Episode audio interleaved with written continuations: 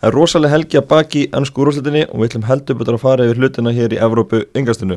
Daniel Geir Moritz er statur í Vestmannum og Elva Geir Magnússon í Færaum en ég er Magnússon Einarsson með því að leysa þá holmi í dag.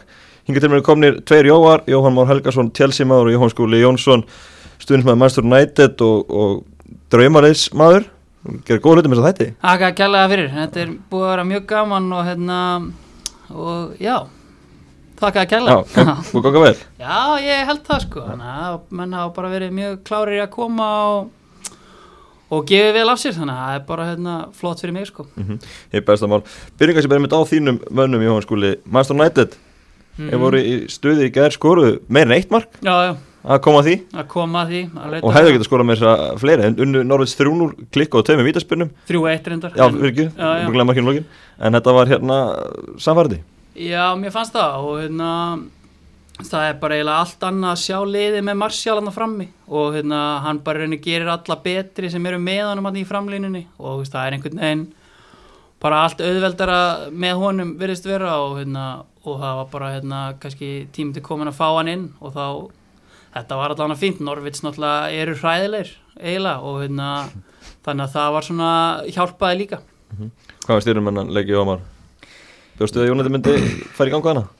Já, þetta er sko, ég tek undir með, með Martial, ég er náttúrulega, þegar mínum menn í Chelsea mættu hérna United í fyrstum umfyrinni, þá fengu við svolítið svona smjörþiðun að því hvað United getur virkilega gert sko, þá voru þið mjög svona kliningal frammi með mitt Martial og Rashford og ég heldur kannski þetta segir ykkur kannski hversu ótrúlega hérna, takmörku breyti er í Manchester United og hvað þið svona, þurfa að styrkja sig kannski aðeins í, í framlýfni, þú tekur kannski bara dæmi að þú veist, næsti maður inn að þá veikist liðið svo mikið í svo mörgum stöðum og öllum hjá Já. United. Þannig að þeir þurfa held ég fyrir mér að kaupa tvo leikmenn í janúar bara til að þétta ræðirnar og geta einmitt bröðust við þessum meðslum sem þeir sannarlega eru búin að vera í. En þeir voru mjög flottir í gær. Massa er náttúrulega búin að skora hvað þrjú mörg í fjórum byrjunarsleikjum í ennsku úrúslitinni Já, ég held sér búin að koma með framlag í öllum leikirum sem hann hefur spilað annarkvæmt lagt upp að skora og veist, það er bara veist, Rashford veist, er miklu betri með Mas- Martial inn á þannig að þá ertu komin í rauninu bara með veist, allt í einu tvo leikmenn sem eru miklu betri heldur en hérna, þegar Rashford er bara einnanda frammi. Þannig að það er bara híminn og hafa á milli, finnst mér sko.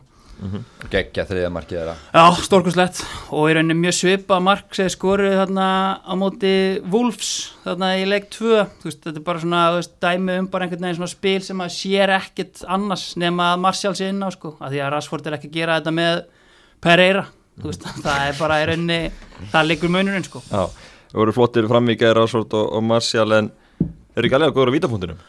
Klikkuðu Nei. báður á punktinum, Tim Krúl er mest í vítabenni í heimi en, en það breytir því ekki að þetta eru ágefni hjá United, Já. hvernig gengur að skora á punktinum? Já, fyrst að Jói talar um að það þarf að kaupa tvo leikmenn í janúar. Ég held að það væri kannski bara nóg að sæka Luka Milivojevic til Krista Palas og, hérna, og það myndi bara í rauninni að þeir eru búin að fá sko, fullt af vítaspilum og bara frá því í byrjun síðasta tímabils þá er þetta einhver sko þetta eru bara þú veist, 10-15 víti sem þeir eru búin að fá sem er sko miklu meira heldur en árin á undan. Og, en það bara er þetta er undir 50% nýting sem er náttúrulega bara ekki bóðilegt og þú veist, hérna Nei, þetta er bara alls ekki bólið Pogba er búin að klúra fimm vítum frá upp á síðast tíðanbils, Rashford tveimur eða þremur, Martial einu til tveimur veist, og þetta er bara og það sem að skapar bara svona vitleisinsgangin í þessu er bara að veist, þá bara sami maður að taka veist, vítin. Ef það er ekki Pogba tippland á tánum skilur, að veist, það er bara svo mikil umræða um þetta og það bara fer í hausin á mönnum og þannig að þetta er bara brandari að pæla í þessu sko það er alveg hvergi erfið að taka vítaspinn akkurat í dag en hjá Manchester United Nei, þú veist að því að allir sem koma inn eru með þetta bara fast í hausnum á sér og þetta er bara algjörlega ræðilegt sko. En ef við setjum ykkur aðeins í, í spór sólskeið núna þegar búið er að krísa á vítapunktinum hver á að fara næst? Jónætti það vítaspinnu í næsta leik, hver á að taka vítaspinnu? Ég veit það ekki Ég er bara í alvörinni veit það ekki sko, Ég held að Rashford væri bara hérna, flottur í þessu og, Martial er líka hann hefur klúðrað tveimu vítum held ég þannig að það er enginn sem ég sé bara eitthvað í fljótu bræði til að negla þessu bara einn sko. Og það er, það er sárt að sjá það sko. Ég, mannsestir hefur bara ekkert átt góða vítaskýttu síðan Ronaldo var seldur. Ég veist, þetta er bara veist, Rúni veist, klúrar eða með veist, í kringum 70% nýtingu fram að því þetta er búin að vera með Ronaldo og Nistelrooy í kringum 80% og þú veist, þannig að þetta er bara búið að vera bastli í tíu ár sko. Bara frá því að Dennis Örvin hætti það það var náttúrulega kongurinn sko, alvöru vítaskita þar en, veist, það, hérna, en þetta er bara búið að vera vandamæk að United bara í tíu ár. Já, Jómar, hvað myndu að gera? Harry Maguire bara, lúður þessu, þegnandi Já, átti nú kannski bara best að fá varnamennu nýta þegar svona í harbakkan slæri en, en sko kannski væri bara að taka bara víta á æfingu. Bara sjá hvað myndi gerast bara og, og það sem er bara heldur sér lengst skorur flestum í rauð, hann fær bara að taka næst og þannig er það bara. Eða bara að sá sem að klúðrar flestum vítum daginn fyrir, hann færi bara punktin hann var bara að klára kvóta. Ég, meina, það er, ég fannst líka bara að hann hefði átt að setja bara Rashford aftur á punktin að því að þú veist, ég meina, þú veist, hann er ekki að fara að klúðra tveimur í sama leiknum. Hann veist, þetta er, steytist alltaf í markið. Það er það sem menn segja sko. Tvær vítaspunni, báða vítaspunni uh, Stúart Allel Dómari ætlaði ekki að dæma víti en, en breyti sennum skoðun eftir að fengi skilabúr Varherbygginu í fyrra aðtíkinu þá var þetta bara ekki drögg Varherbyggi var bara að taka völdin á dómar hann eða dómar var búin að gera rétt. Þetta var Er það? Mér fannst það ekki sko. Nei, mér fannst það ekki en, en svo sem þetta er náttúrulega búið að vera svolítið með varið, þetta eru einhvern veginn þetta er einhvern veginn farið alltaf á haus finnst manni. Og, og kannski þessi, þetta dæmi með að ákveða að dómarinn er ekki sjálfur að fara í skjáin Vist, ég held að það sé bara svolítið fara að vinna gegn þessum dómurum sjálfum og þetta er einhvern veginn, mér finnst bara þegar ég að endur sko þessa reglu bara frá upphafi þú veist það bara, nú þegar þið sjálfur bara að fá að taka ákvörðun um þetta, ok, ég vil að kíkja þetta aftur allt í góðu, en þarna eins og sé þarna með dómarinn bara gera rétt upphafi sko. ég skil ekki akkur þeir eru ekki bara með þetta eins og, hérna, eins og þetta var í og er held ég í meistaradildinni eins og þetta var á HM þú veist, þar einhvern veginn þar var ég bara sannfærður um var. Þar rann þetta bara allt mjög smurt og hérna og þú veist, töfin, þú veist, var einhver en þú veist, það var samt, þú veist, dómarinn hlaupandi til og frá og eitthvað svona stemming í þessu. Núna er þetta bara, þú veist, það er allt steindautt á miðjum vellinum, bara kameran á dómaran eða á skjáin Já. þetta er bara, þú veist, þetta er ekki hérna nógu appealing sko, án þess að ég sé eitthvað á móti var en það bara hlýtur að vera hægt að gera og eina umræðan snýst um clear and obvious og þetta er bara þú veist, bara fá þetta eins og á HM, takk Já, ég tek undir þetta. Já, uh, eigum kannski ekki miklu morðum í, í Norvilsli en þó að Tim Krúls er góður í að verja víti þá þurfur að gera betur en þetta, er það haldið svipið það ekki?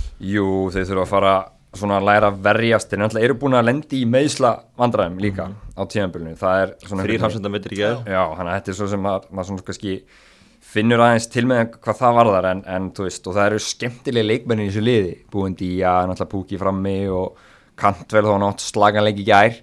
En þetta er svona einhvern veginn þeir, þú veist, maður ber virðingu fyrir það sem hann, að Daniel Fark er að gera og þú veist, þeir eru alltaf að spila fótbolta og svolítið sinn, sinn fótbolta ætla ekki að breyta sínum gildum.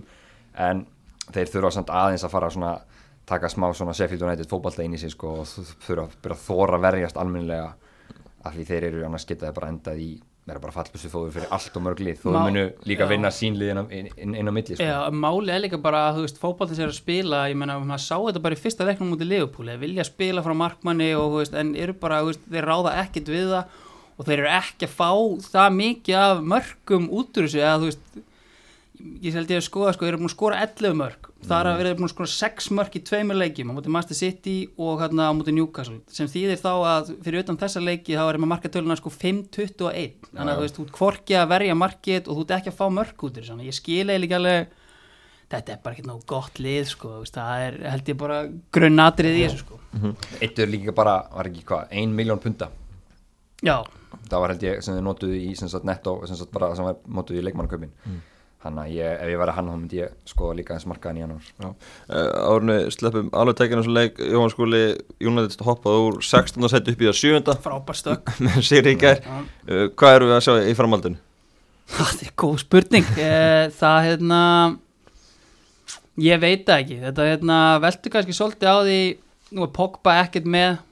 En þú veist það er einhvern veginn hérna, þú veist, Norvits bara það slagtlið eins og er komin á hann það er kannski erfitt að taka eitthvað út frá þessu en þú veist En Leopold leikurinn fín en eins og kannski einhverju hafa komið inn og það er ekkert mál að gýra sig upp í leik á móti Leopold en veist það er mál að gýra sig upp í útileik á móti Vestham eða veist álíka liðum þannig að ég, við þurfum eiginlega bara að fá að sjá aðeins betur hvernig þetta þróast sko. ég þóri ekkert að veðja um það sko. Förum við yfir á Anfield, uh, Liverpool uh, með 60 að fórskot á toppnum eftir 2-1 sigur á Tottenham. Tottenham komst yfir eftir eina myndu þegar Harry Kane skoraði en samt það með alltaf tilfengur Liverpool myndi koma tilbaka Já, það var það var móment í leiknum sem ég held að Tottenham hefði getið unnina leik þá var það svona skýtur í slána Já.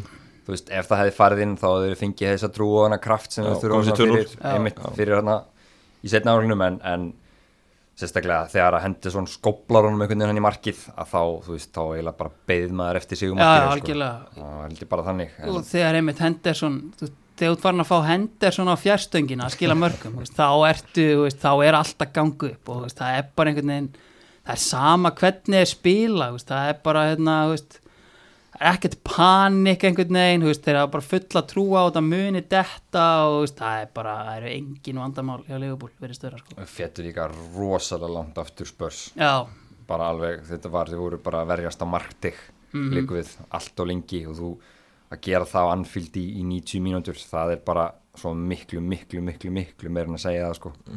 Mik mikið vandamálum hjá Spurs en, en Gassa Níka kom öflur inn í, í markið. Hugo Já. Loris var ekki, ekki sárt sagna ekki þær nei, hann var flottur og hérna, en þú veist kannski lítið því að segja þegar þú ert að fá á því endalast að skotum að veist, þá munum þetta bara detta fyrir Leifubúl og þú veist, Tottenham eru bara í þeir eru í miklu þeir eru í andlegri krísu, myndi ég vilja segja sko. Ef við kriðum að þessi vandamál þeirra Hvað hva er, gerist þú tóttina? það bara held ég að hann hafi þurft að taka eh, svona örari breytingu á hópnum hann bókið sín á, þetta ég held að þetta, þetta kaupleysi hérna í hvað, heilt ár að það hafi svona sé að koma núni baki á þeim þetta er búið að vera basically, er, er þetta ekki, er þetta ekki 5. að 7. tíðanbílans hjá, hjá Spurs Mhm.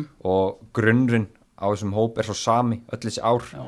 sterkustu leikmennir þannig að ég held að hafi, þú veist, ég held að mi- minn maður Bjössi Reyðas og okkur Jóaskóla, hann hafi talað um það þú þarft alltaf að fá tvo, tvo svona tvær breytur inn í hópunum á hverju tíðanbíli stuða hópin Já, stuða hópin og svona aðeins setja alla aðra upp á tætnar og það er bara búið að vera ómikið comfort zone hjá Spurs. Leikmenni svo, þú veist, Dali Alli sem er í mikið til lægð náttúrulega vilja líka mittur en þú veist, aðri bara eins og, þú veist, Aldi Vereld Eriksson vil fara. Sem vil fara. Þú veist, það er svona, það er ómikið sko það bara þarf að eiga sem stað meiri breyting sko. Já, það er líka bara, veist, einhvern veginn, og þú veist, þú einhvern veginn, þú stendur uppi með ekki neitt, veist, einn úslitaleikur í meistaradöldinu og ég hugsa að hefði ekkert farið eitthvað öðri sem eru unni en að leik, en það er samt helviti hart einhvern veginn að, þú veist, vera búin að spila þetta vel, þeir eru búin að vera frábæri undanfærin ár, en að standa uppi með ekki neitt, það leggst helviti mikið á hóp sem að er lítið hrist upp í og þeir sem eru sóttir eru kannski ekkit endilega að koma með það sem að vantar því að vantar fyrst og fremst held ég bara eitthvað svona mentality bara í að vinna og þú, veist, og þú sækir það ekkit endilega með endom bele eða þú veist, öðru þannig sko. veist bara meiri karakter einhvern veginn til að lifta hlutunum upp hana því að veist, það vantar ekkit gæðin í þessa leikmenn sko, eða liðið, það er ekki vandamáli sko. Nei, en svo er þau líka með sko inn á milli eins og Orier til dæmis, veist, hann er búin að vera þú veist, hann er smá trúður þarna, hefur einhvern veginn ekki hann svona fannst mér klúra þessu dæmi í gær leiknum, þú veist, mér fannst hann einhvern veginn bara verið að vera með þetta, þetta ástandarna þegar manni, svo einhvern veginn svona sleppir hann honum Þetta- og þá er hann bara búin að skóta sér ótrúlega fram fyrir hann já. svo er svona leik- leikmaður svo Danny Rose mér liður eins og Danny Rose er búin að vera óanar í svona tvö ár. Sama með hérna Er Ben Davis ekki bara betri? Ég finnst kostur. bara ekki, ekki, ekki verri leikmaður. Nei og manni finnst líka öll viðtöl við Danny Rose benda til þess að hann get ekki beðið eftir að hætta. Þannig að þú veist, ég einhvern veginn svona þú veist, skil ekki alveg stemminguna í honum sko. Nei. og hún kristallaðist nú bara í þessu marki hjá Henderson í gerð sko. Rói Kín, þannig að það er alltaf að veiða upp úr honum skoðanir, liggur alltaf mikið á þeim. Hann sagði eftir leika að Serge Aurier og Danny Rose hefði verið eins og dömmen dömmer í leiknum í ger ekki verið að lægi hjá honum Get ekki svo veitlust Nei, en, en líka bara, svo höldum áfram þú veist, það eru svo, þú veist, Vernd Tongen Aldi Vereld, Kristjan Eiríksson, Danny Rose. Allir þessi leikmenn vilja fara frá liðinu veist, það, og samt er þeir að spila og þú eiginlega getur ekki tekið át úr liðinu en það er svo mikið að gæðum farið allavega, þú veist, í miðvaraparinu. Þannig að þetta er sko hella bú, búið að vera eftir því byðuna blessaða völl sem er rosa flottur og, og hérna búið að gera virkilega gott held ég svona í kringum klúbin að þá held ég að það bara kostar rosalega mikið inn á vellinu líka fyrir hópin já, fórnarkostan hafi verið mjög hár og þeir eru að borga fyrir hann núna Hvað getur Tóttan gert? Þeir, þarf hann að taka bara hreinsunni í janúar, getur hann gert það? Eða þarf hann að býða fram á næsta sumar? Þessum leikum sem hún nefnir, þeir verða aldrei fara og fara vandalega í síðasta lagi næsta sumar. Já, það er rosa erfitt að kaupa mikið af leikmunum í janúar, góðum. Það eru svona, þú veist, það er hendingaða næst en, en ég held bara að, að þeir verða bara svolítið að sjá hvað er í bóði en, en ég hef svo svona næsta sumar að taka svona eitthvað hreinsinu og tala um það að það sé þá miklu svona líklæra sko. Haldið að Harry Kane fari Nei, ég hef ekki miklu að trúa það sko. en þú veist þess, það er náttúrulega bara þá spurningin hver ætlar að kaupa hann Tóttir er náttúrulega góður í því að þeir semja nánast á hverju einasta ári við alla leikmenn upp og nýtt Já, já. þannig að þú veist, þeir, veist, það er í rauninni bara hérna, kannski Eriksson núna sem er svona innstæmi um leikmann sem og Aldrei verið. En þú veist, aldrei verið náttúrulega, þú veist, eh, þú veist norðan með við þrítu, þannig að það er kannski engin eitthvað, þú veist, eitthvað skelfilegt að missa hann, en þú veist, svona gæjar eins og Harry Kane, þú veist, ég veit ekki, ég veit ekki hver ætti að kaupa það er svona aðalega sem að, hérna, stoppa mig í því að, hérna, og bara upphæðin, skilur þú það hvað, er ekki hérna, bara Real eða Jú, United í rauninni, skilurðu. sko, já. það væri þessi tölu en ég sko, hann var í viðtali hérna fyrir svona árið síðan ég var hann að Players Tribune sem er rosa flottur miðl sem skrifa svolítið sjálfur Já. leikmönnir þar svona fannst maður skína í gegn hvað hann langar mikið bara að vinna stóran titil með Tottenham sko að hann virkar rosalega lojal en, en svo veit maður aldrei hvað, Nei, hversu nei. langt hann er í boltanum sko aðeins um Liverpooli sterkt að svara þessum jættiblófið United með, með sigri í gær Já, þeir eru, þeir eru svona, hvað svo segja, allt sem er svona, hefði því mögulega geta farið á rangavið á þessu tíðanbili, það hefur einhvern veginn bara sloppið. alls ekki gert það, já, já, Það er bara svona sloppið, þetta er rosalega stöngin inn hjá þeim, þú voru slakir á móti Sheffield United, þeir eru Mm. getað tapað stíðum móti Chelsea líka, þú veist, þeir hefðu getað tapað leiknum móti United Já, já. og þú núna taka þær á etsa út en að sigur á móti Spurs, þannig að þeir eru bara, eru tilbúinir sko. En það er einhvern veginn eins og ég sagði á hann, það er bara ekkert panik, veist, sama hversu illa er að spila, veist, þá bara halda þér áfram, það er bara að matla þetta inn, þetta er rosalega mistara bragur á þessu og hérna, og maður, þú veist, eh, þú veist, að því að öll önnur lið virðast vera að missa stig og tapa hér og þar, en Liverpool bara tapar engum leikjum og það er bara, það er helviti fínt að tapa ekki leikjum, skal ég segja ykkur, sko. og Liverpool uh, heimsækir Aston Villa um næstu helgi en svo er stórleikur Já. eftir tvær ykkur Liverpool Manchester City og ef að bæði lið vinnur næstu helgi sem á kannski reikna með þá eru Billy 60 og Liverpool getur hendi í nýju Já, og það væri, Það er stórt. já, það væri það, sko.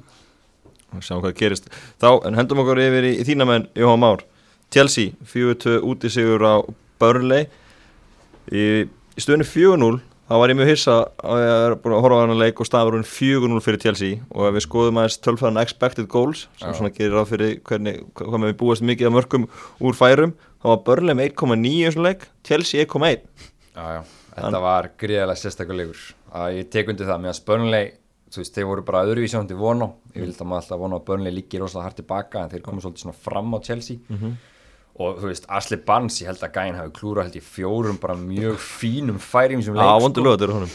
Að mjög vondulega dagur og uh, já, svo bara einhvern veginn menna allt lag einhvern veginn í gegn. Við vorum alltaf voru með Captain America í stuði í leik sko. Já, og hérna, já, en þú veist, og Chelsea voru bara alveg ótrúlega klinikal, þetta myndi mig hérna á fyrsta leikurinn United Chelsea þá voru svolítið svona það voru svolítið öfu formekki núna á Chelsea. Þá voru þeir mínum menn bara mjög flottir og voru veginn líkleri en voru svona lentir fjögun og lundir. Og hérna, og svo um þetta var svolítið svipað en, en, en Burnley þeir, þeir áttalegu skilið þessi tvö mörg sem skor í lokin sko. Já, Þetta, bara, þetta var svona bara mörk bara upp úr algjörum gæðum. Það var reyni bara sem þetta var og bara svona, þú veist, þeir klára þetta bara á á hreinum gæðum frekar en einhverju stórkostlega spilamennsku. Því að þú veist, ég meina það er þú veist, það er kannski lítið að frétta sérstaklega í þessu fyrsta marki hjá Púlisitt þegar hann fær boltan, það eru fjóri menn einhvern veginn fyrir framan hann og hann, veist, hérna, tekur skærin og, og klínir hann fram hjá tveimur bara með vinstri þarna og þannig að veist, það er svona hérna, veist, eins og ég segi bara gæði sem að klára hennar leik. Það. Púlisist með þrennu Már, að- hann var ekki í hóp á, á tíðanbili og það er lítið gert eftir að hann kom frá Dortmund í sumar? Varst þú fann að ágjöra að þetta hefur götturinn í söknum eða hafður bara trúið að tekið smá tíma að koma hann inn í ennska bóltan Þú veist, ég man, maður sá hann undirbúinstempilinu þá sá maður að þessi gæði var alveg með svona algjört quality, það voru gæði sem voru klálega í honum, en hann var sann sko hann átti alveg svona tvo frekar slaka leiki.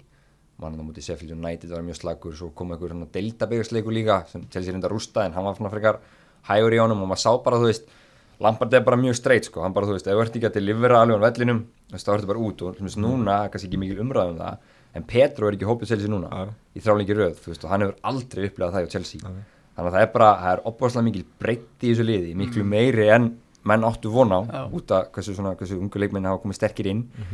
Þannig að þú verður bara svolítið að sína þig og, og, og þá bara Púlisitt hafa bara haft rosalega gott að þessu. Bara, heru, þú verður bara að sína hvað þú getur. Hann kom inn með flotta framistöður á móti Newcastle, móti Southampton og svo náttúrulega móti Ajax. En hann átti bara að skila að byrja hann leik og sá nýtt tækifærið Börnlei ekki þekkt verið að taka mikla áhætt í sínu leik en, en þeir gróðu kannski svolítið sína eigin gröður, auðvitað áttum púlist að gera helling en það er ekki töflunni á söndagens fyrir leikja Matthew Lóton eða snúum boltan á miðunni og Nei. Tarkovski að senda ykkur að tæpa að senda ykkur í vörninni, þetta er nú meira verið að hengja þetta fram Algjörlega brjálaður örugglega bara eftir leik og í hálfleik sko. Þetta var, þetta var óvanalegt hjá Burnley, það er alveg rétt. og líka fjórðamarki sem Viljan skorar Já, ég held ég hef aldrei séð Burnley fá já auðvitað á sig mark einhvern veginn, þetta var bara allir hálfur teigurinn hérna bara gjörsanlega opinn sko. já, og Já. bara einföld skæri og bara inni hjá, hjá Viljan sko. þetta er einhvern veginn, þetta var til þurfti já, einhvern veginn ekki að hafa neitt allt og mikið fyrir þessu svona inn í end Púlist að koma sterkur inn uh, nógu mönnum að standa sig vel hjá Chelsea, heldur Lampard ná að halda öllum hópnum góðum, heldur að ykkur fari í janúar Gíru hefur nú verið að hóta því að hann er nú ekki mikið lengur að sitta á bekknum hana já, það er þá hann sko Já. það er í rauninni, ef hann er fúl, ég held samt að hann vilji pottit haldunum Lampard, mm -hmm. semst út tímabilið og hann alltaf er á síðasta ára samningi þannig að spurning hvað hann gerir en, en með hvernig Batshuayi hefur verið að koma inn í þetta þá var hann að spila mjög vel þegar hann fær tækifærið og uh, þannig að kannski ég skil, þú veist, Giro er náttúrulega bara þú veist, í bara til franska landsliðinu að starta og EM í næsta sumar, þannig að þá held ég mögulega að hann geti því miður yfirgefi klubin í, janúar en, en veist, ég von ekki, en mér finnst það líklegt. En ég held að segja samt bara hann, því allir aðrir hann er búin að ná að rótera hópnu mjög vel og er einhvern veginn svona með þessum lampar tefur, það er einhvern veginn, er einhvern veginn allir leikmennir hann bara tilbúin að hlaupinginu vekk fyrir hann. Það er svona svona góð staður til að vera með leikmenn á. Beina á Já, uh, tíu leikir búnir Chelsea búið að koma þessi þægilega fyrir í ungustákan er að spila vel þú lítur að vera bara hæst á námið er þetta ekki kannski bara betra en að bjóstu fyrir tímafili Jú, sérstaklega með hvernig það byrjaði og maður sá svona sérstaklega hvernig liðið var að verjast uppalega og líka undirbúin stjæmpulinu þá var þetta bara, leitt ekkert allt og vel út en þetta eru sjöruð núna og þú veist öllu gerum, já, sérst, öllu leikjum og, og það er núna United núna á, á hvað mikulvæðina ekki? Já, og svo Votford næstu helgi þannig að þú veist það er bara, það er bara virkilega góð bragur á liðinu og þú veist leikmenni svo óvænti leikmenni svo Tom Mori til dæmis að spila frábælega þannig að þetta er er rosa gaman að til sem er í dag. Já, sérstaklega gaman að sjá þess að ungu uppáldu stráka fá sensin, þeir var ekkert að fá sensin að vera ekki félagskiptabán, allan ekki allir. Nei, bara held ég, bara alls ekki allir. Og það er fáranlega skemmtilegt að sjá einmitt, hvað þeir eru líka bara tilbúinir ég meina, ef við svona, svona pælum í þessu sko, þá veist, þetta eru kaupin á Chelsea fyrir tíðanblið og þú veist, þá er Pulisic, hann var svo sem bara bekkni á Dortmund. Þú veist, Tammy Abraham, Mason Mount og, og Tomori, þessi stráka voru að spila bara í sko Champions um deildinni. Þannig að þú veist, þetta er svona, þetta hljómar einhvern veginn eins og ok, hvort þið verður bara hreinlega tilbúnir. Það bara komur óvart hversu ótrúlega tilbúnir eru og bara hversu góðir eru. Þannig að þetta er bara ríkala skemmtilegt. Förum aðeins yfir í annar liði í London þar sem að klukkan er ekki alveg mikið gleði þar, það er Arsenal. 2-2 jætteflið Krista Pallas í gær komst í 2-0 lifur með 2 mörgum hotspun eftir að fyrstu 10 mínútonum svo fór bara allt í, í kökuð það Já, sko Kristal Palace eru reyndar helviti segir og hérna, en þú veist hérna og 2-0 lifur að heima allir eftir 10 mínútur það en nú að það er því hræðilegt en sko það er einhvern veginn e- þetta leit líka svo vel út bara Arsenal er að setja hérna tvö mörg úr föstum leikadriðum bara þú veist eitthvað sem maður sér ekki oft og hérna og bara svona virtist bara stál í þeim og eitthvað en síðan einhvern veginn þú veist það er bara einhver vondur gýraðna bara í öllum bara veist út frá þjálfaranum í leikmannahópnum og veist það er bara hérna og bara svona eins og alltaf einhvern veginn með Arsenal bara svona batnaleg framist að svona heilt yfir sko. Þetta er fyrir að minna mig hérna ástandið þarna núna svolítið, hann Emery á Mourinho í fyrra Jónandit. það er svona einhver rosalega störukeppni í gangi milli hans og, og, og Özil. Um, það er svona svipað á Pogba og Mourinho var í fyrra að fara að smita útfæra sig núna út um allt uh, tvistraður hópur stuðningsmanna og svona úslitin einhvern veginn einhvern veginn eftir því. Og já, þú veist eins og, eins og, eins og Jói sagði, þetta er hérna, þú veist báðir hafsendarnir skora, þú veist 2-0 eftir nokkra mínútur, þú veist, bara alvöru lið það bara, það bara klára hennar leik. Það er bara, þú veist, þú bara siglir þessu heim. Það ert ekki einu svona að spila það vel. Nei. þú ert bara að vera bara þéttur. Þeim tekst að klúri svo og vissulega voru þetta mjög óöfnir þarna í lokin. Já, já, en, en, en samt þetta er, það er einhvern veginn bara eins og tek undir það, er slæm áræfi liðin núna. Það sem ennski fjölmjölar eru mest að fjöllum eftir þennan leik og bara eftir helgina er, er Granit Xhaka fyrirlið Arsenal, hann er tekinn af velli eftir klukkutíma. Áhörnundur bauluð á hann og hann ákvaða að nýta tækifæri og byggði meira. Og sagði síðan að, að hérna, til syndana og hann strunsan í klefa, klætti svo treyjunni og, og fór heim. Uh, hvað fannst ykkur um uh, annars vegar það að stunduminn hafi baulað á sjaka og hins vegar hvernig hann brást við baulað á fyrirlega þinn það, mér finnst það eiginlega bara svona, veist, það er svona eiginlega það sem er mest lýsandi fyrir klúbin akkurát núna að fyrirlegin er tekin af velli og það er bara klappað og baulað þú veist, þú sér það valla hjá svona heilt yfir stöðnismönnum Manchester United á vellinum fyrir Asla Young sko. þannig að þú veist, þú getur eiginlega ekki bóðið liðin upp á það en þú veist, þessi hegðun hans náttúrulega bara sýnir það bara hann ná ekkert að vera fyrirliði Arsenal. Það var punkturinn minn sko, Já, ég held að vandamáli líki svolítið þar að hann sé, sé fyrirlið Arsenal.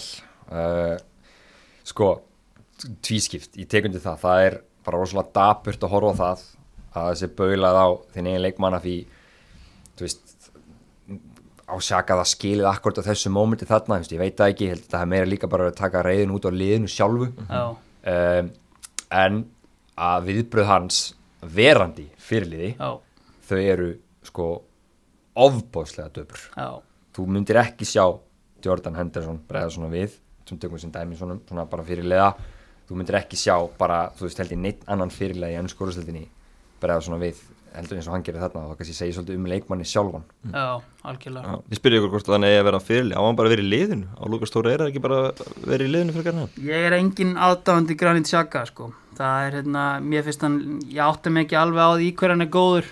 Hann er svona, það er með skot. hann er góð, góð löp og hérna, en þú veist, en annað þú veist, mér fannst Torreira mjög flottur í fyrra, til dæmis. Og ég einhvern veginn svona, ég átti mig ekki alveg á hvað er í gangi þar, hann spilar ekki meira. En nei, ég er ekki sérstaklega hrifin af Granit Xhaka sem leikmanni, leikmanni eða manni öllu heldur, þessi miðja Shaka Guendouzi því mér sko Guendouzi er alveg fín spilari sko en hún er sann sko, hún er mjög gölluð á mjög mörgu leiti svona bara svona fótballtalega að síða sko.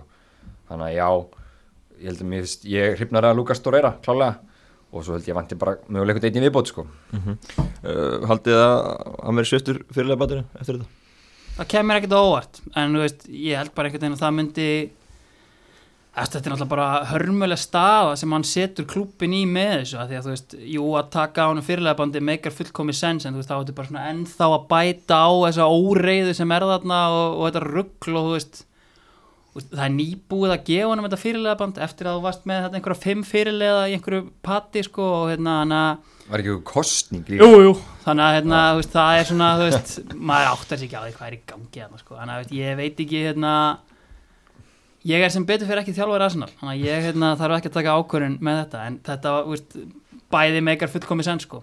Það var eitthvað líkis við Brexit. Hérna, hann væri búið að hérna, kjósan og, og þurfti að, kannski, veist, að standa með honum. En þetta er, þetta er, þetta er vond stað uh, Arsenal mönnum er þó smá vorkun því að 850 mínútu skora Sókratis að því að virtist fullkomlega löglegt mark og svo að Krista Pallas að fara að byrja á miðjunni og þá komið skilabóð varherbygginu brot. Ég er búin að horfa á þetta aftur og aftur. Ég get ekki sé hver brotið er Mér finnst þetta nærði að vera víti. Já, það er líka eitthvað að mitt á þetta. Það var freka víti heldur en eitt Hver var það sem Callum Chambers er sakar um að hafa brotið af sér. já, já, gott ef ekki. Það veit ekki á hvað verið að dæma þannig að Já, þetta er algjörlega glóralust og ég bara skil ekki hvað er að frétta þarna. Það er bara hérna og þú náttúrulega þetta væri við að tala um karakter endur komið þannig segja hjá Arsenal sko, þú veist, bara, þú veist, ef að þetta hefði ekki verið en þú veist, á móti það var allt í skýtnum núna. Já, en þetta er ótrúlega dýrt, þetta eru tvöst í, í súgin og þeir eru mjög leng, uh, lengra frá top fjóru núna, heldur en- heldur en alla. Algjörlega og þú veist þeir hefðu þetta hefðu líðið í ágætlu út en þess að þessi United er búin að vera í ströggli. Tóttinam eins og sé búin að fara yfir í sínu vandamálum.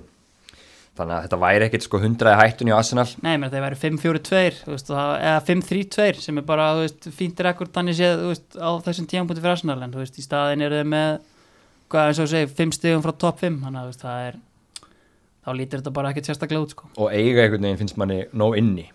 Þú þau lagasettir búin að vera svolítið mikið meittur þegar hann Pepe gæði algjörl inni sem er svona, svona sínt bara svona, þú veist, eitthvað glefsur sko, Já, þannig að þú veist en og ég segi, núna er einhvern veginn umræðan allt önnur og neikvæðri og ösirmáli bara eru stærra. Þannig að- Og þetta verður áskonum fyrir Emiri núna að snúa þessu við. heldur betur. Ég, þú veist já ég hef einhvern veginn litla trú á honum. Það er svona slithurinn ára yfir honum eins og ég einhvern veginn sagt og þú veist, það er bara svona ég ég veit ekki, fór allt í skrúin einhvern veginn hjá hann hjá PSG þarna og þú veist, ég ég sé hann ekki vera mikið lengur en út tímanbili hjá Arsenal. Samanlega því Ómar? Já og bara jafnvel ekki svo lengi. Það er, þú veist, við horfður á hinnar frábæru YouTube-bráðs Arsenal Fan TV í gær. Vorum við sinni Já, það er bara, það er, það fyrst alveg einn þannig að það var farin í slagsmál einn af þeim gaurunum með þeim sko, við einhvern annan gaur. Og svo eru þeir náttúrulega hver einu sem maður að, að, að kalla eftir því að hann bara hreinlega víki. Já, alltaf á stefni þar á Arsenal TV hvernig fólk til að fletta fletta upp á því. Uh, Förum aðeins yfir í, uh, til Manchester aftur Manchester City uh, vann Aston Villa 3-0 var þetta ekki bara svona rútínu sigur og eitthvað sem átti búið stuð Jú, það held ég, þú voru stóðu svo vel í fyrirháleik vila, voru Já. þéttir og flottir. En svo hérna bara, bara, bara alveg upp að við setni þá bara tekur Edison eitt langan. Tjúl getur hann sparka langt. Hann Edison er alveg bara, það er magnað. Við hann var líka sko alveg við endalínu sína Já, þegar hann sparkaði og, og hérna já. Það var góður 70-80 metrar bolti. Jesus tekst að vinna hann að Mings í skallabolta og ef við gerir þannig mistöka móti móti Manchester City þá bara refsa þér og, og Störling klára þetta. Já, þá var þetta aldrei spurning. Nei og ég meina meiri sem Villa fekk hérna alveg eitt eða tvö skýtsæmilega sjensa í stöðunni 0-0 en Já. samt einhvern veginn, úst, ég er ekki einu sinni vissum að það hefði hérna dugað. En það sem að stendur eiginlega upp úr í þessum leik fyrir mér er algjörlega ótrúlega björgun Tyrone Mings Já. með var ég er eiginlega aldrei séð hana einn sko. En þú veist, ég þetta var bara annars veist, bara mjög professional hjá City sko. Og við vorum bara í stuði sko eftir það fyrsta fyrsta markið. Þá vinnur aldrei City. Nei. Fernandinho uh, fær uh, rauðarspjaldi þess annað gula spjald á 80.90 myndu hann er döglegur í að brjóta sóknarnar baka aftur en hann er alveg getað sleppt í þannig í stöðunni 3-0 Það er bara imprentað í hann af Pep Guardiola að stoppa skyndisóknir saman er í gangi og hann bara hérna, sá bara hann að manna rjúkupöllin og rýfur hann bara niður. Það er bara, þetta er bara gameplan hjá City, hann rugglaðist aðeins. það var full bókstaflega hjá honum. Já, það er, veist, já, og náttúrulega bara erfitt fyrir City núna því að ég meina hann er búin að vera hann í hafsendinum, hann að, þú veist, hverju koma inn þar, þú veist, það er svona vantarlega stærsta spurningin fyrir næsta leik. Já, nákvæmlega. Uh, Óta Mendi hefur verið í, svona út í kuldanum undanförnu. Hann var á bekknum um helgina. Kemur hann inn? Eða er Guardiola alveg búin að gefast upp á honum og setur yfir bara kundókan í hafsendin? Hva, hvað gerist upp? Nei, sko næstu helgi? það er reynilega kemur ekki orði Gundogan myndi vel bara að fara þangað en hann var enda mjög góður á miðin í þessu leik. Mhm. en um, sko er ekki bara Óta Mendi og Stones það er bara það er bara svona mjög vond kombo fyrir sitt í það það er full reynd, það er einhver ótrúlega tölfræði um bara, þú veist, ef þú ber saman sko, hérna pörin hjá sitt í sýttu tvö ár, veist, þetta er bara langlélegast sem þið bjóðu upp á, sko. Já, Stones var líka, hann var sko, þú talaður um færin hjá Aston Villa í þessum leik, þau voru öll í bóði John Stones. Já. Þannig að hérna, þetta er það er einhvern veginn svona, það er stress á þessum hjá, hjá hérna í, hjá Guardiola núna, bara í kringum þessi, þessi miðvarmál hjá honum. Þannig að, já, spurning ég hvort við fáum að sjá Stones og Otamendi, það verður bara alltaf áhugavert. Þá er, Já. þá er hinni bara sjans Já, mér finnst líka bara Stones hefur sko hann er alltaf frábær á boltan en, og það er hérna augljós staðarind en hann hefur, ég held hann yrði betri þú veist, ég held hann myndi skána varnarlega en mér finnst hann bara eiginlega að vera jafn barnalegur og þegar hann kom sko, þannig að mér finnst hann hann verður bara að vera með einhvern klett með sér að mínu mati sko. Það segir líka orðið, þú segir orðið klettur. Hann þar nefnilega, hann er svo soft sjálfur. Já. hann er einhvern veginn sko þú veist, ég ber hann alltaf saman líka svolítið á Andreas Kristjansen sko, Já. þessi gæri eru bara svona eitthvað örlítið kvefaðir, þá þú veist, þá mæta það ekki á æfingu, Já. þú veist, það er einhvern veginn það vantar bara einhvern veginn svona, svona hristaða og svona sláðu utanundir og bara svona mannið ykkur upp, sko. Já, algjörlega. Nákvæmlega. Förum aðeins yfir í förstasleikin, alltaf gaman að fá förstasleiki og þessi var ekstra skemmtilegur. Southampton 0, Leicester 9 stærsti útisigur í sögu ennskúrastöðunar og jöfnun á stærsta sigrinum. Eða kannski aðeins meiri í tíma í þennan leik heldur en gett svona venjulegum Southampton Leicester. Eh, Þetta var gæsa lótuleg Já, maður, Ég er sko, þetta veist- það er, ég er nýbúinn að velta því bara fyrir mér, bara, þú veist Master United Ipswich 9-0 hérna 95 eða 96 sko, ég held bara, það sem ég, ég er bara nýbúinn að sittast neyður og hugsa bara þetta met verður aldrei sleið og, og já, hérna hér. Þú veist, þannig að ég, hérna, en þú veist Southampton náttúrulega algjörlega hræðilegir. Og þetta var bara eins og bara að horfa á þú veist, Valur KH bara frá fyrstu veist, þeir lágu bara tegnum Varst þú í bakgarinn með K.A.? Nei, nei, Nei. þetta hefði ekki? Nei, Þetta hefði ekki gerst á minni vakt sko. En veist, þetta var bara veist, Þeir lágu alveg niður á teig En klukkuð ekki menn og þetta var bara eins og að horfa á já, Valur KH þannig að veist, þetta var bara algjörlega óbóðlegt frá Sáðantón sama þó þeir hafa verið einum færri hérna í 80 mínútur sko. Já, það vantar allt hjarti í þetta. Nú myndi nú sína meira hjarti Já, þetta var það er alveg Já, klárt. held ég, en fyndi ég var sko, ég horfði hann leik í Íslandi þar sem ég var á höfstaskvöldið hérna í, það byrjaði klón 10 og ég var svona að velta fyrir mig hvort ég ætti að horfa hann ekki sko, um tíma mismunur svo svona að ég gefið sér sen, svo var okkur sportpepparn á höfstaskvöldi og var einn á honum sko, bara alveg alit og það var hérna í sann og heldur betur ekki eftir því en, en sko, það sem ég held að við talandum svona að spila djarfan fótbolt eins og tölum á hann hjá múti hérna með Norveits hann hérna Hassen Hút eða hvernig sem að byrja þetta fram að það er sko, hann vil spila flotta fótbolta og maður byrja virðingu fyrir því. En sko þetta þeir fá að sér fyrsta markið og svo er Bertrand reikin út af bara í bara, bara sama moment. Sko, hann breytir engu.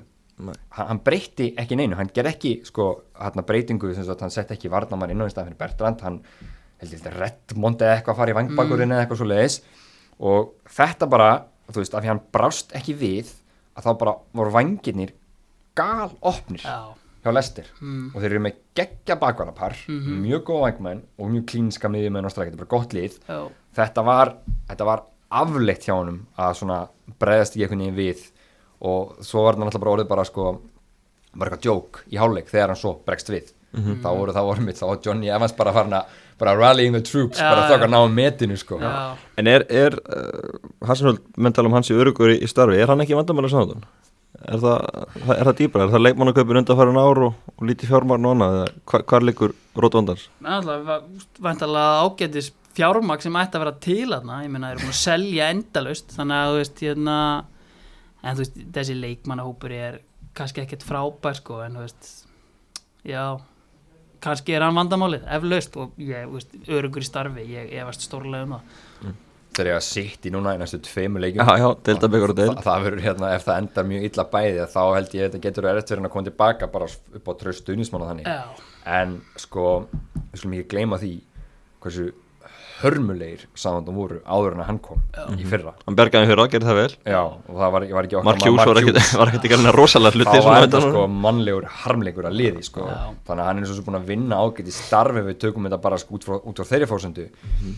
en ég, nein, ég, það að halda aðeins í austryggismannin ég fíla það sem hann er að að gera þó þau séu svona, fáið svona, eru svona whipping boys stundum að þá, þá er þetta allt í lægi sko. Já, halda þessu uppi? Já, ég held að ég held það líka. Já, algjörlega. Förum við kannski aðeins í, lestelið Við skulum ekki bara hérna, slá sáþáttan í örðina Við skulum líka hrósa þeim aðeins Því að þetta var hrikalega vel gert og það ótrúlega hungur. Þeir fögnuðu markið 6, 7, 8 og 9 eins og Já. það var að skora sigumark Já, það var í rauninni bara eins og Vardí var að setja vinnerinn hann í 9-0 markinu sko. þetta var alveg hérna, gott pepp og góð stemming í þeim. Þetta bara, þetta er frábært lið þetta eru frábæri einstaklingar og bara virkilega gott lið sem að er hérna, sem Brendan er búin að henda í hérna, sko. Og kólatúri Já, Þeir eru eins og bandaríska landslið, hérna kvennalandslið Fagna mörkunum alltaf hérna þetta var, þetta var bara, þú veist, þannig að gekk allt upp þeim. Þetta var þannig leikur og Ég held sko að Manchester United hafa verið með hærra XG heldur en Leicester í hérna Já, vel sér rétt, ég held að það verið eitthvað 4,6 á móti Já. 4,4 Já, þannig að náttúrulega gengur allt upp auðvitað í 9-0 sigri en, en það eru bara hellings eins og ég sagði gæði í þessu liði og veist, þannig að það þarf alveg að fara að taka það virkilega alvarlega. En það er í top 4 sko, þetta er spurning bara ef þeir haldast meðisla frýir þá eiga þess eins og því en til dæmis eins og ef leikmæni sem Mattisson eða Vardí eða strákar, þú veist, ég vil tíla maður sem miðunni þá, þá held ég að þetta getur erfitt fyrir þá að sérstaklega kannski ef liðin svo Manchester United eða Spurs actually gera þessi í brók þetta veltur svolítið á því. Mér finnst það allt velta því, bara hvað önnur lið hérna, eh, ætla að gera sko. og en, veist, en þeir munu halda áfram sínu róli sko. en það er bara spurning hvort það verður nóg ef að hinn liðin fara á einhver flug sko.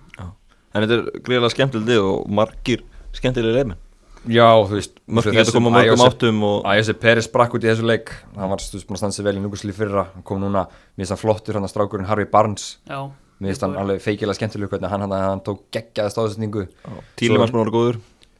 Að vera frábær og svo er líka bara eins og segi þú veist, bakvarða parið þeirra Mm. Chilwell og Pereira þeir eru, þeir eru frábærir. Já, báðið til, þeir eru ógeðslega góðir í fótballtins í góðar Og svo gaman að sjá Kasper Smækjál og, og Jamie Vardy þessi eldri leifminni liðinu sem voru líki meistarlega um sín tíma. Já. Þeir hafa bara aldrei verið betri. Nei, Kasper er búin að missa hann 10 kíló og aldrei litið betur út og, en þú veist bara aftur að Tílemanns þú veist, mér finnst algjört rannsóknar efni að Lester hafi bara óáreittir náða að pikka hann upp á nánast gafaprís 40 miljonir evra og engin annar virðist alltaf að gera neitt á meðan Manchester United er með McTominay, Fred og Pereira á miðunni og, og Lingard í backup. Fred dýrar en hann? Veist, þetta er alveg ótrúlegt og hérna, veist, það sá þetta hvert mannspann sko, og þú veist því Tílemanns er búin að vera náttúrulega bara spilandi þú veist, í Európa-keppnum og allstað bara síðan hann var 16 ára og ég meina færi þetta Monaco move og þú veist, kannski fyrir allt í skrúuna á Monaco heimtíma, er góður með Lester í janúar, þannig að þú veist maður hefði haldið að einhver lið betri en Lester eða þú veist, náttúrulega Lester blítið vel út, en stærri en Lester hefðu haft mikil nót fyrir þannig að tekur til það en það er svona áhugaver umræða kannski af hverju það var ekki að ef þú tekur hérna sá svona áhugaverð umræða á Twitter í gær sem frá svona einhverjum aðlum sem fylgjast sem með frönsku dildinni að hann var ofbáslega slakur hann í þessu Monaco dæmi Já. þeir náttúrulega voru náttúrulega í algjöru ruggli Já, já. voru hann í bara einhverju fallbáratu með Anri og fleira sko Já. og þar var hann vist bara alveg afleitur en þessi fransk deild er náttúrulega mjög sérstök oft sko og hann er ekki fyrsti leimar lendir í basli á Mónaco Nei, einmitt Heldur þannig að- betur ekki. En ég er ég er svo sammálegar bara eins og Manchester United Já. að þegar ég sá hann spila svona vel í fyrra Já, þeim að skul ekki hafa reynda að nappa honum sko Hann var líka frábær í Európa-eventyr í Manchester 2017 þegar tóku Europa League, hann mættu þeir andilegt þarna og, og hann var mjög góður þar hann veist, maður hefði haldið að bara einhverjir vakandi hefði alertast þá, en veist mér þetta, er, er mjög sorglegt svona því ég hugsa tilbaka og, og varandi hvernig leikmannar maður þá verið. Förum yfir í næsta leik og það er Brighton 3, Everton 2 Lukas Dinje með sjálfsmarki viðbúðu tíma og Brighton fór með sigur af Holmi. Everton er Markus Silva komin aftur í hættu um þessar starfið? Bjargaði sæðans fyrir hornan á móti vestam en núna er það tóttir með næsta leik. Er það bara leikur upp á starfi hjá, hjá Silva? Gæti vel verið sko, mér finnst þetta þetta er alveg ábúðslega flatt hjá þeim. Já, og þetta eru, þetta eru, hérna, þetta eru ekki stærstu liðin í, í dildinni sem eru að tapa fyrir. Það munu koma erfæri próf. Og einhvern veginn, ég veit ekki, Marko Silva maður fíla hann að gæja hann, hann kom til höll og svona tókst næstu að bjarga þeim sko. En einhvern veginn eftir Byrjaði vel hjá Watford líka. Já, Já. svo svona Datt það einhvern veginn niður en, en kannski er þessi gæði bara einhvern veginn ekki eins öflur um að helt nei, það er svona mín tilfinning líka bara einhvern veginn eins og menn hafa komið inn að þú veist, ef hann héti John Graham þú veist, væri hann að fá einhvern sjans þú veist, ef hann væri ekki bara með hérna, útlenskt nafn og, og hérna, gott svægi í kringu sig, þú veist, flotna hund leðilegu fótbolti einhvern veginn sem er að spila og þú veist, það er ekkert að frétta og, og samt búið að eyða fullta pening í þetta Everton lið og maður svona einhvern veginn sér ekkert hvert peningurinn hefur farið sko, af því að þú veist, þetta er bara rándýrt lið af meðal mennsku og veist, það er bara það er vandamálið hjá Everton. Alltaf kiftu þennan ótrúlega spennandi strák hann að Moise Keane, þú veist, fyrir tíðanbilið hann hefur bara, það er ekkert Nei, hjá honum. og Já. Lúin heldur sæti sínu hann og veist, þetta er bara, þetta er rosalega óspennandi dæmi sem er í gangi hann Everton Gilvi byrjar á bekknum annanleiki röð skor alltaf glæsið marka á móti vestam byrjaði samt á bekknum en kom inn á þetta haldum fyrir Bernhard sem meittist illa þannig að Gilvi verður vantilega ekki mikið meira á bekknum á næstunni Nei, en ég skil alveg vel að hann hafi verið áfram á bekknum að þetta var mjög góðu leikur hann hjá þeim á móti vestam og það er örgulega bara með betri leikjum hjá þeim í langan tíma hann er mjög svo sem ekki daði að Gilvi væri áfram á bekknum. Og Eva Obi var góður í þeim leik Já, sem var í stöðun að skilfa þannig að hérna, við skil það líka bara mjög vel en, en þú veist, Gilvi áður alltaf verið í svo liði. Þú veist, Já, já. sama hvað það er en, en þú veist, kannski akkurat þessu augnabliki þá skilum við alveg.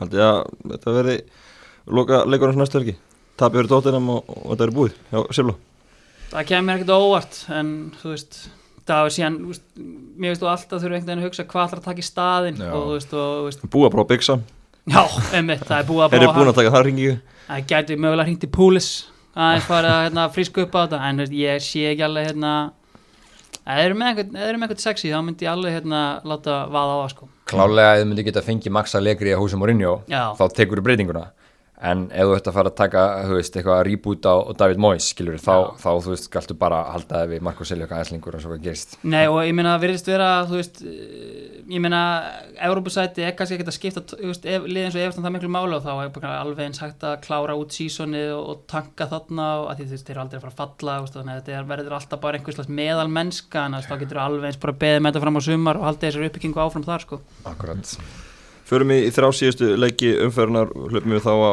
kannski aðeins meira hundavæði. Watford 0, Bournemouth uh, 0 Watford í bótsættunum með 5 stík ekki ennþá búin að vinna leik. Er þeir að fara niður?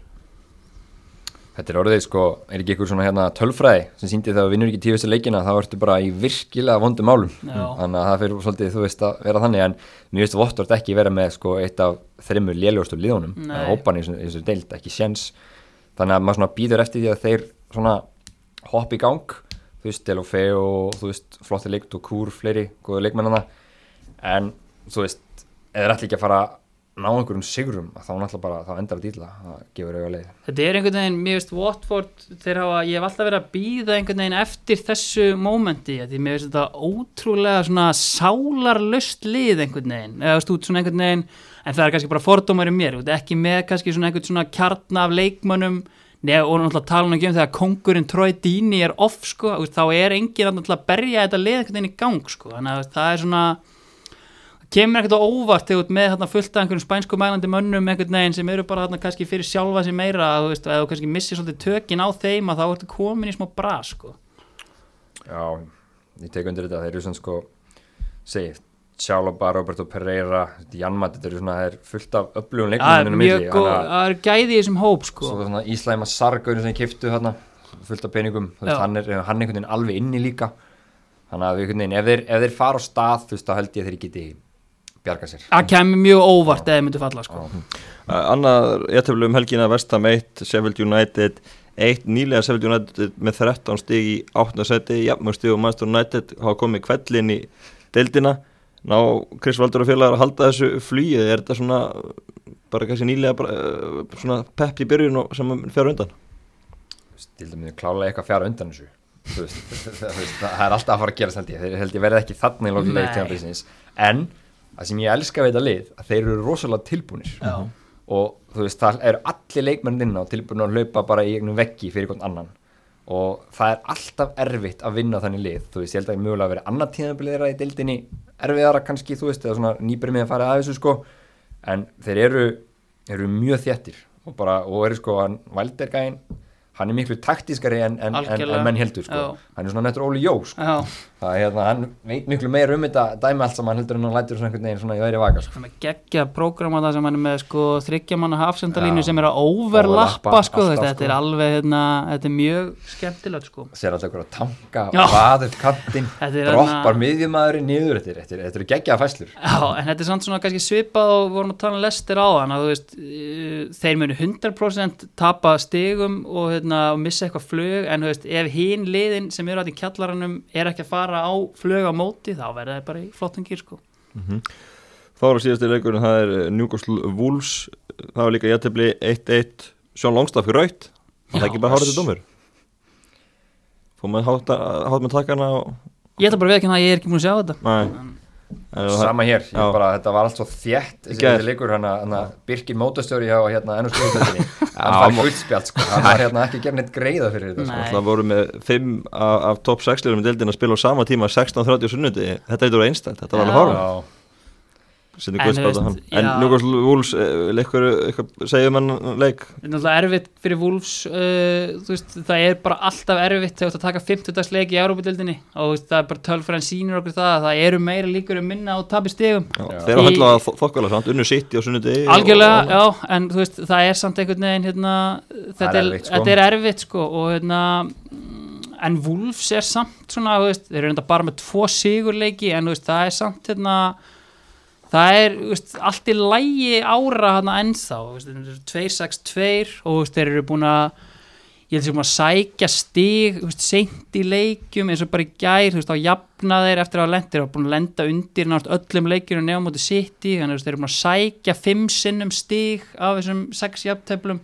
þannig að það er svona hérna, það er alveg ennþá fínasta stemming hérna, sko. það kemur ekkert á orð sem leikur að enda í aftöfli þetta er svona bæði lið sem er erfitt að vinna Já. þú veist, og, en eins og sé, með Wolves þeir eru með 12 stig, þú veist, þeir geta þú veist, þeir geta að fara upp í 15 stig í næstu umferð, þá erum jafn Marko Kristal Palace í sjötta sæti, sko, Já, þannig að þetta er einhvern veginn, þeir eru bara þeir eru bara mjög þéttir hérna núna á Esperanto Santo, hann er bara, hann veit alveg hvað hann er að gera, sko, og og í toppmál með Európa-deildinu alltaf líka. Já, að sama skapi með, með Newcastle þú veist, þetta eru leikinni sem þau þurfa samt að fara að sækja sko. Já. þegar þeir ætla ekki bara að fara niður þá þurfa þeir að fara að sækja sigur akkur í þessum leikjum þar sem þeir komast yfir þar sem þeir eru hérna svona, svona á heimavelli svona spila svolítið leikinn á sínu fórsöndum en Já, þetta er er- töluvert meira högg fyrir njúkvæmsveldur en já, Wolves sérstaklega af því að þeir komist Já. það gerist ekki oft í. Nákvæmlega. Förum aðeins í hinnadeldinir í Európa og erum við bindum enda á þetta. Spáni, Barcelona, Real Madrid eh, þeim leiku var frestað og þá nýtti Granada sér tækifærið og hendi sér á toppin geggjað, Óvænt. geggjað. Nýleganir, nýlegar í deildinni hafa aldrei unni stóran titil og þeir bara hendi sér á toppin þeir náttúrulega unni Barcelona í síðustu mánu Já. og, og, gaman að sjá svona nýli í barðunni Þeir eru með 20 stig til 10 leiki og bara eru bara helviti flottir og hérna ég bara ógæslega gaman að fylgjast með þessu. Er ekki Real Madrid er í sjötta seti með átján bara tvö stíðana frá fyrsta í sjötta seti þannig að pakkin er svona aðeins þéttar á spánu en hefur ótt að verið? Já, ég held það, hann verður það kannski einn og hálfa mánuði viðbútt og hérna, en þú veist, þetta er gama með hann er sko. Já, svo munur Real og Barca bara stinga Já, 100% og Atletíko er náttúrulega ennþá eh, siglandinn sínum 1-0 sigurum Já, og veist, þannig að- Tókst þú reynda held ég að vinna 2-0 um helgina. Já, já. Það er bara hérna það er 100% aukning því mörgum Já, Real Sósitaði í þriðasetti með 90 stig Martin Öðegard, hann hann að lýsins Það eru, það er svona Verður það eitthvað úr honum á endanum? Það eru skemmtilegast að sögulínan hérna finnst mér í, í spáni núna. Mhm. Sá gæi er búin að bara rísa upp. Maður er búin að sjá bara svona klippur úr dildinni og hann er bara hrikalega góður. Já. og það er gaman að sjá að hann, getur orðið já, jafn góður og, og hérna menn voru vonast eftir. Já. Ég væri þannig innilega til í að hérna, mm, sjá hann fá tækifærið einu svona enn hjá Real. Þannig að það væri, hérna, það væri mjög gott. Já, förum að við til Þýskaland og þar er annað óvandlega á toppnum. Gladbach stíja undan Bayern München. Og þar er pakkið líka mjög þéttur ennugis fjögur stigur úr áttundasetti upp í toppsætið. Aha. en verður þetta ekki svo varlega, mun Bayern ekki? Hva- hvað þarf ekki við því langa tíma hjá við skuli Tvær vikur. Það er ykkur, Já, ekki mikið meira en það. Það var Bayern búin að stinga. Já, en Mönja Gladbach er náttúrulega með meistara Markus Túram hérna, Svon Liljan Túram hann að ef hann helst í gýr, ég held að hann hafi skorað um helgina þá hérna, þá er eitthvað allt líklega skal ég segja ykkur. Dortmund er aðeins að ströggla svona, svona smá þú veist, þú veist, ég er nú alveg í þessum pakka þá, þú veist, einhvern veginn, maður held að þeir myndu koma svona einhvern veginn sterkar inn, þeir fengu þarna nokkra Ég átti góðan, eða svona statement glugga sko, hann að hérna, það var hérna hömmels tilbaka Já. og svona skiluru Já. en, en þetta er gaman hérna en sko ef mun hér missir King Lewandowski í meðsli sko, Já. þá bara eru þeir bara orðin eitthvað firmalið líka Já, sko. Já, ótrúlega hvað hann getur skorað Ítalíu, það er nú kannski öllu þættari stærðir á tónum, við erum Juventus á sínu stað á tónum Er að tókst fara- báðum að gera í aftöfli toppilónu þar. Já, um helgina, það er alveg magna Já, Juventus í jættefli við Lecce á lögadaginn sem voru óvænt úrslit og Inter við jættefli við Parma.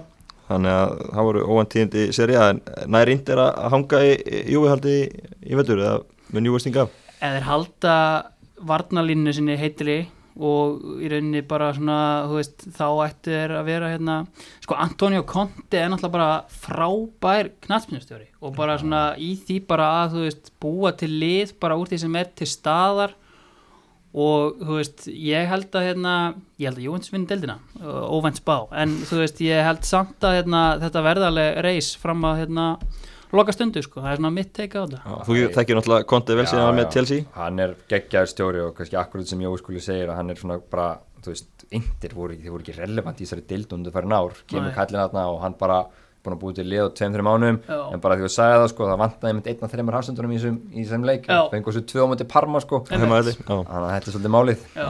nákvæmlega. Eitthvað fleira sem brennur á okkur eftir helgina?